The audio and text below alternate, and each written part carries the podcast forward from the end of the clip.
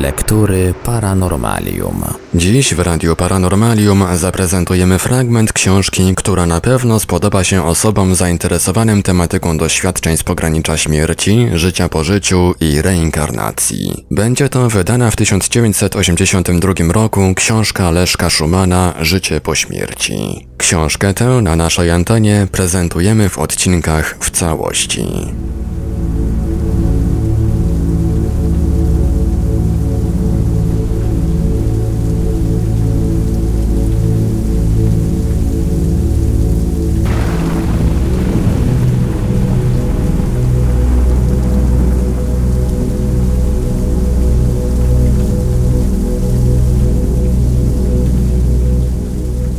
Niebezpieczeństwa grożące z tamtego świata.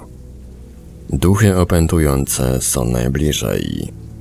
Nieświadomość i brak orientacji w aktualnej sytuacji utrzymuje bezcielesne istoty w niepokoju i podnieceniu. Może się to odbić bardzo ujemnie na medium. Zdarza się bowiem nieraz, że taki złośliwy duch jakiegoś nieżyjącego nikczemnika będzie się starał zaszkodzić medium. A oto autentyczny wypadek, jaki zdarzył się w Anglii przed kilkunastu laty. Kilku studentów urządziło seans spirytystyczny, posługując się do tego celu pewną młodą dziewczyną jako medium. Studentom wcale nie zależało na przeprowadzeniu poważnego doświadczenia w celu zapostania się z rzeczami nadprzyrodzonymi. Potraktowali oni eksperyment ten jako towarzyską zabawę.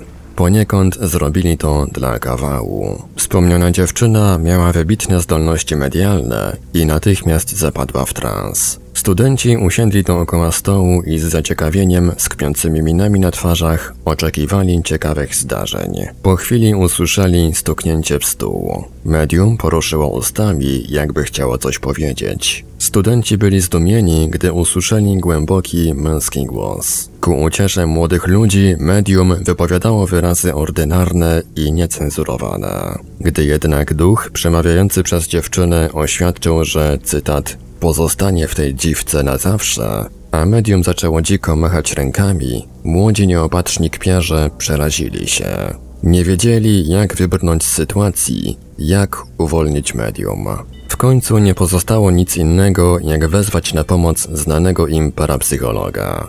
Doktor Madson natychmiast zorientował się w sytuacji, w którą wprowadzili dziewczynę niepoważni studenci. Lekarz wiedział, że tylko ostrożne i przemyślane postępowanie przeciw złośliwemu duchowi, który opanował medium, może dać jakieś wyniki. Natychmiast przybył i przede wszystkim spytał ducha, kim on jest. W odpowiedzi usłyszał stek ordynarnych przekleństw. Także próba uspokojenia ducha nie dała wyników. Doktor Madson nie mógł w tej chwili nic zrobić, wobec czego seans przerwano. W tym celu parapsycholog włączył wszystkie światła i otworzył okna. W tym momencie główne niebezpieczeństwo było odsunięte, lecz nie usunięte. Dotychczas zdrowa i aktywna panna stała się senna, apatyczna i nie orientująca się w niczym.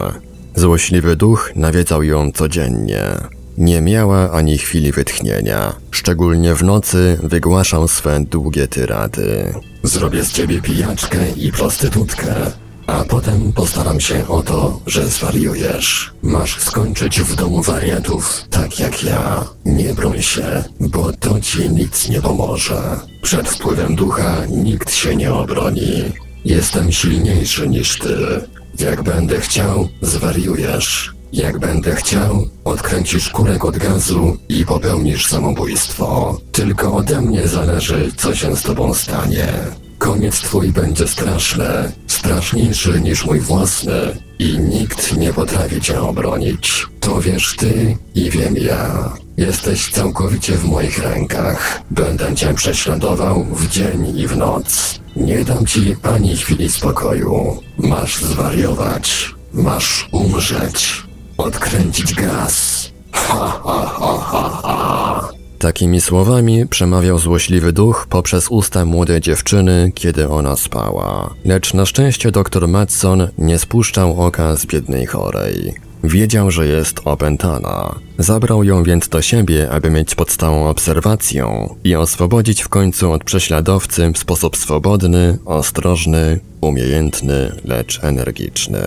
Doktor Madson odbywał seanse i rozmawiał z duchem o innych istotach życzliwych i lepszych, do których on mógłby dołączyć, gdyby dziewczynę opuścił. Poza tym odmawiał modlitwy i medytował, udzielając duchowi dobrych rad, jak ma postąpić. Początkowo duch kategorycznie zaprzeczył, jakoby lepsze duchy w ogóle istniały. Starał się przeszkodzić doktorowi w jego usiłowaniach klątwami i nieprzyzwoitymi rozmowami.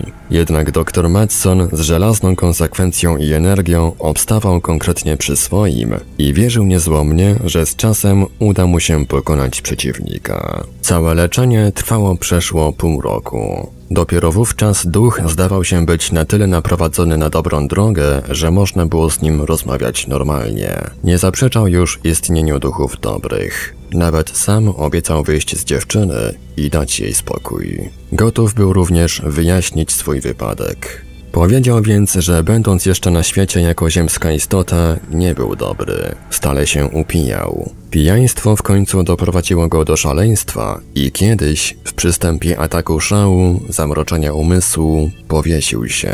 Ten jego stan psychiczny trwał jeszcze jakiś czas. Chociaż był on już na tamtym świecie, nie wiedział co robi. Teraz jednak dziękuję za modlitwy i starania, które pozwoliły mu wyrwać się z tego strasznego stanu. Odtąd dziewczyna miała spokój i powróciła do normalnego stanu umysłu. Dzięki mądremu parapsychologowi została uratowana od straszliwego losu, jaki ją czekał, prawdopodobnie w szpitalu dla umysłowo chorych. Następny wypadek miał dla osoby wzywającej ciemne moce wynik tragiczny. Nie było bowiem w pobliżu doświadczonego parapsychologa, który mógłby podać rękę nieszczęśnikowi. Wypadek ten zdarzył się w Holandii, w Apeldoorna. Pewien młody człowiek przeczytał w ilustrowanym piśmie artykuł o używaniu wahadełka. Podkreślono tam, że wahadełko to niewinna zabawka, urozmaicenie, łatwy i nieszkodliwy sposób porozumiewania się ze zmarłymi. Młody człowiek sporządził sobie wahadełko w myśl wskazówek zawartych w artykule i zaczął eksperymentować. Już po kilku próbach zgłosiła się istota podająca się za ducha jego zmarłej matki. Z początku duch przekazywał pytającemu liczne ciekawe informacje dotyczące tamtego świata. Zachwycony tym chłopak trzymał w palcach wahadełko dzień i noc, nie mogąc się od niego oderwać. Wyglądało na to, jakby wpadł w zależność od istoty z tamtego świata. Kiedy chciał przerwać tę uciążliwą zabawę, zarzucono go groźbami. W końcu tajemnicza osoba zaproponowała mu, by połączył się z duchem swej matki, za którego się podawała. Młody człowiek znajdował się już w stanie takiego rozstroju nerwowego, że usiłował dokonać zamachu samobójczego. Oddano go więc do szpitala dla umysłowo chorych. Korzystając z nieuwagi pielęgniarki, chłopiec wyskoczył oknem z czwartego piętra i zginął na miejscu. Historia parapsychologii notuje niezliczoną ilość podobnych wypadków. Niechaj więc dwa wspomniane zdarzenia będą dostatecznym ostrzeżeniem dla tych, którzy dla zabawy chcieliby zajmować się tymi zagadnieniami. Mogą one bowiem stać się dla osób nieobeznanych z nimi bardzo niebezpieczne. Pod wpływem specjalnych ćwiczeń opisywanych w różnych podręcznikach, niektórzy ludzie stają się wysoce sensytywni i rozwijają w sobie kwalifikacje medialne. Wykorzystują to różne niższe istoty z zaświatów, często nawet nie wiedzące, że już zmarły, by podstępem wtargnąć w cudzą osobowość i ją opętać. Duchy opętujące twierdzą, iż przyciąga je magnetyczna aura niektórych ludzi. Z drugiej strony zaś wiadomo, że osoby medialne wywierają wpływ na igłę magnetyczną. Jest to nawet jeden ze sprawdzianów medialności. Kto wie, czy te dwa zjawiska nie mają ze sobą czegoś wspólnego. Dziś jeszcze za wcześnie, aby to można było wyjaśnić. Nie wzywać imiennie pomocy z tamtego świata.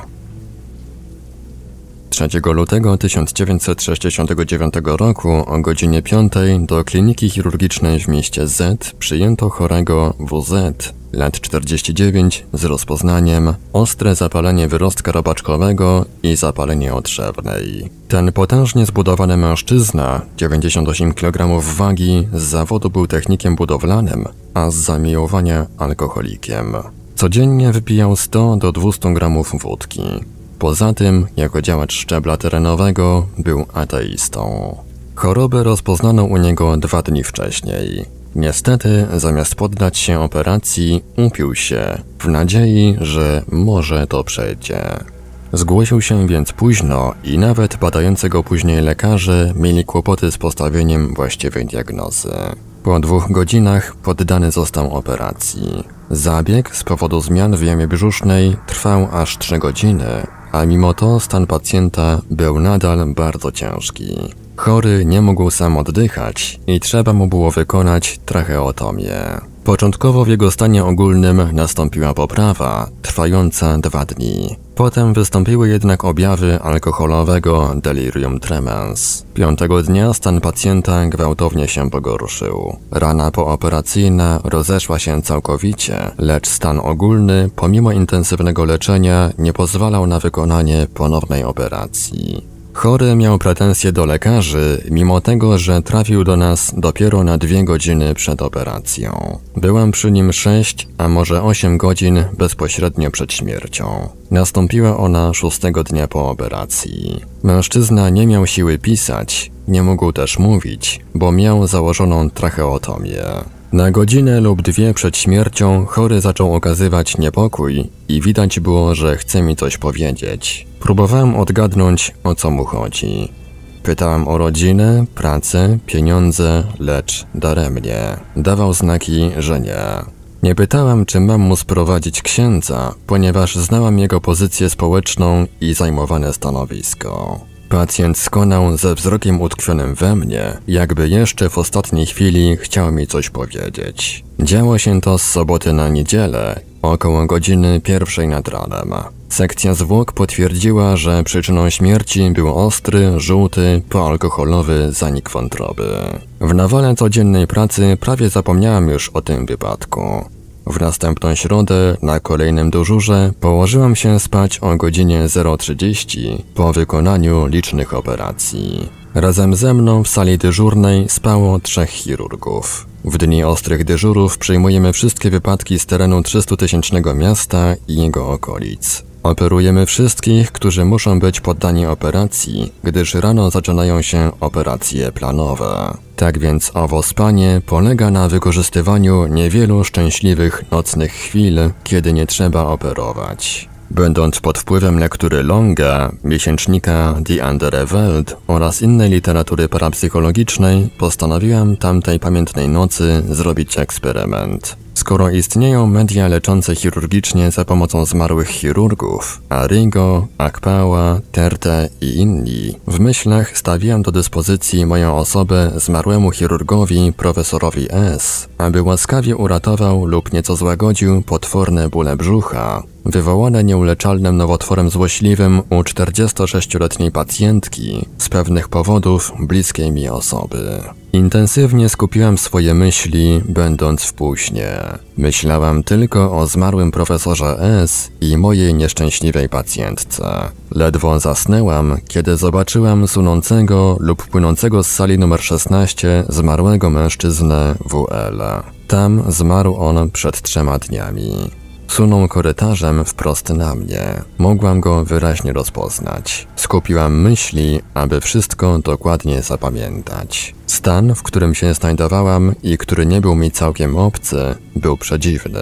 Moje myśli były precyzyjne i jasne, lecz ciało nieruchome, jakby sparaliżowane. Wówczas nie odczuwałam jeszcze lęku. Kiedy zmarły WL dopłynął do mnie i stanął przede mną, nad moją głową, pomyślałam tylko, już jest. I wówczas zaczął on coś wyciągać z moich rąk, co w myślach określiłam precyzyjnie jako siłę życiową. Z przerażeniem poczułam, że z każdą chwilą słabnę. Uprzytomniłam sobie z przerażeniem, że jeżeli chirurdzy mnie nie obudzą natychmiast, zginę, umrę. Zaczęłam wydawać z siebie niesamowite jęki. Ciekawe, iż ja ich nie słyszałam, natomiast słyszałam doskonale, co mówili między sobą koledzy chirurdzy. Któryś z nich powiedział: Obudź ją, bo nie przestanie się drzeć. Jeden z lekarzy podszedł więc do mnie, potrząsnął mną mocno i położył się znów na swoim tapczanie. Czułam to, a mimo to zdawałam sobie sprawę z tego, że nie zostałam obudzona całkowicie i darłam się dalej. Drugi raz obudzono mnie skuteczniej, lecz wówczas ogarnął mnie zwierzęcy strach. Opowiedziałem kolegom, co mi się przydarzyło i co mi się śniło. Oczywiście wszyscy śmiali się z mego snu. Położyliśmy się powtórnie, lecz ja nie miałam zamiaru zasnąć, bo kiedy zamykałam oczy, czułam, że duch zmarłego jest jeszcze w pokoju. Postanowiłam czuwać do rana. Nie trwało długo, kiedy jeden ze śpiących chirurgów podniósł się ze swojego tapczanu i wyszedł z sali. Powróciwszy później, wyjaśnił nam, że ktoś szarpnął go za ramię, wołając: Panie doktorze, proszę szybko do izby przyjęć. Wstał więc i zszedł dwa piętra w dół, gdzie dowiedział się od dyżurnej siostry, że to chyba pomyłka, bo pogotowie nikogo nie przywiozło i w ogóle jest spokój. Podczas nieobecności tego kolegi inny śpiący chirurg, R, nagle zaczął krzyczeć przez sen.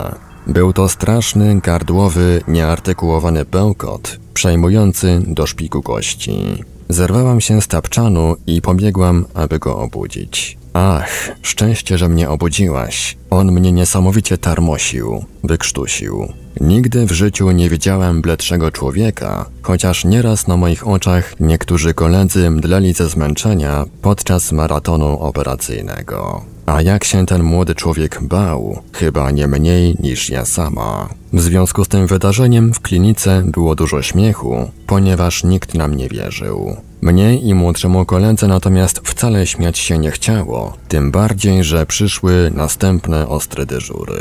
Spałam w jednym łóżku z koleżanką lub którąś z pielęgniarek. Poza tym instynkt podpowiadał mi, że dookoła mnie należy utworzyć otoczkę ochronną, przez którą nikt nie będzie miał do mnie dostępu. Starałam się też jak najdłużej spać przy świetle. W ten sposób może nie miałam z nim więcej do czynienia. Natomiast wspomniany już wcześniej kolega R był atakowany pięć razy.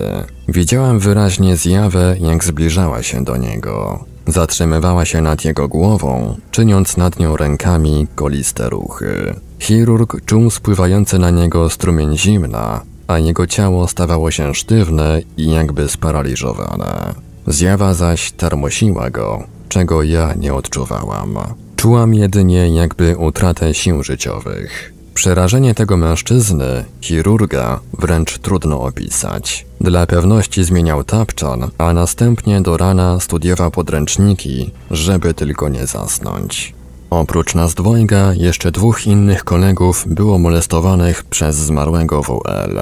Mówili o tym niechętnie, choć sama słyszałam, jak jeden z nich przez sen rzęsił. Intensywnie zastanawiałam się, co to może oznaczać. Zmarły najwyraźniej czegoś od nas chciał, ale czego? I nagle olśniła mnie myśl.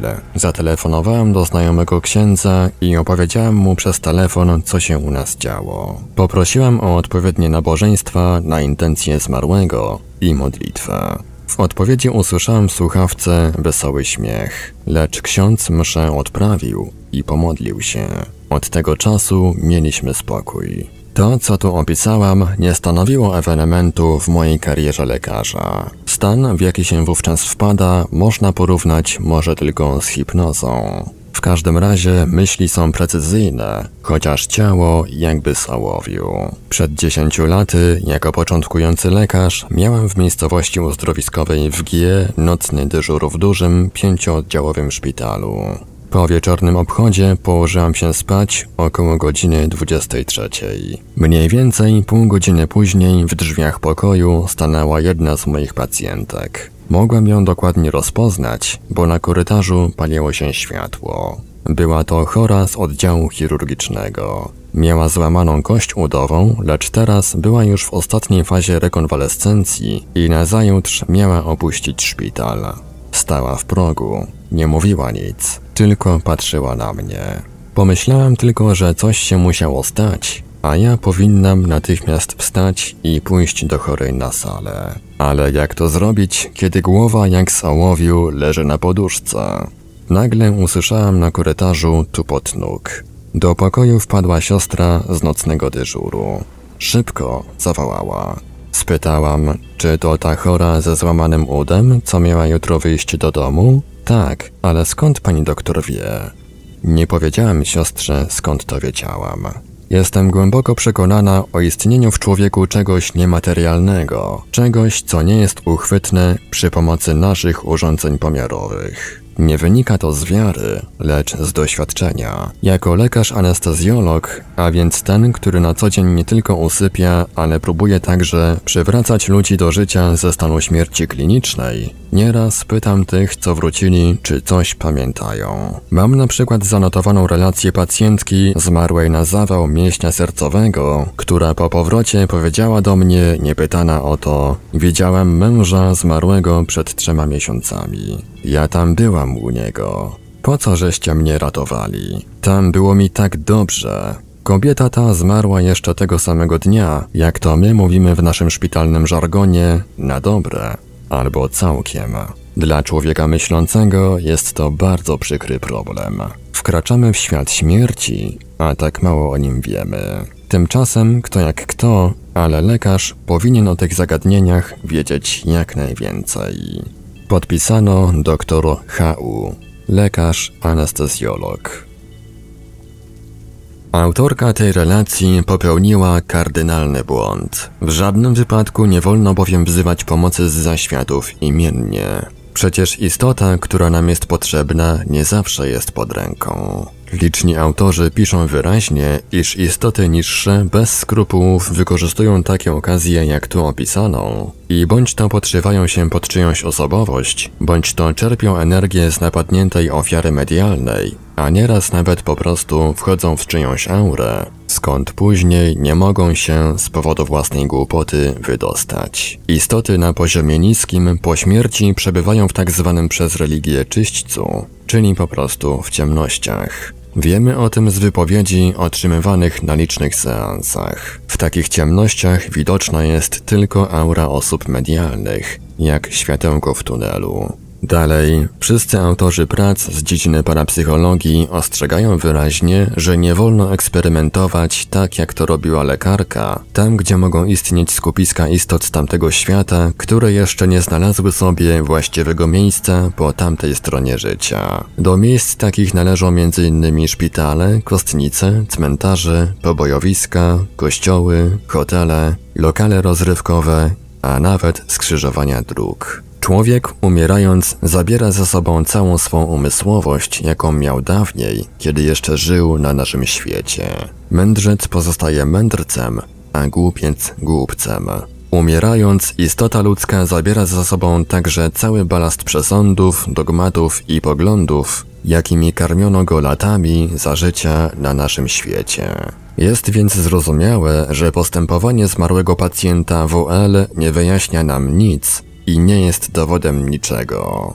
Zmarły WL w młodości wychowywany był w duchu religii katolickiej, które to poglądy wytworzyły w jego podświadomości silne engramy, których później nie udało się usunąć w żaden sposób. Zresztą zmarły był o wiele za głupi na to, aby się wyznać w czymkolwiek. Byłoby więc całkowicie mylne na podstawie pośmiertnego postępowania WL wyciągać jakieś wnioski o przyczynach zaniechania molestowania żywych wskutek odprawionych modów lub nabożeństwa, które w rzeczywistości jest niczym innym jak rytuałem magicznym. Także nie można na tej podstawie wyciągać jakichś wniosków o wartości religii chrześcijańskiej. Zresztą różni autorzy katoliccy mówią przy różnych okazjach wyraźnie, iż zmarły obzdurał sobie, że mu pomoże modlitwa, kiedy tymczasem on sam musi dążyć do ewolucji swego ja, a nie oglądać się na czyjąś pomoc.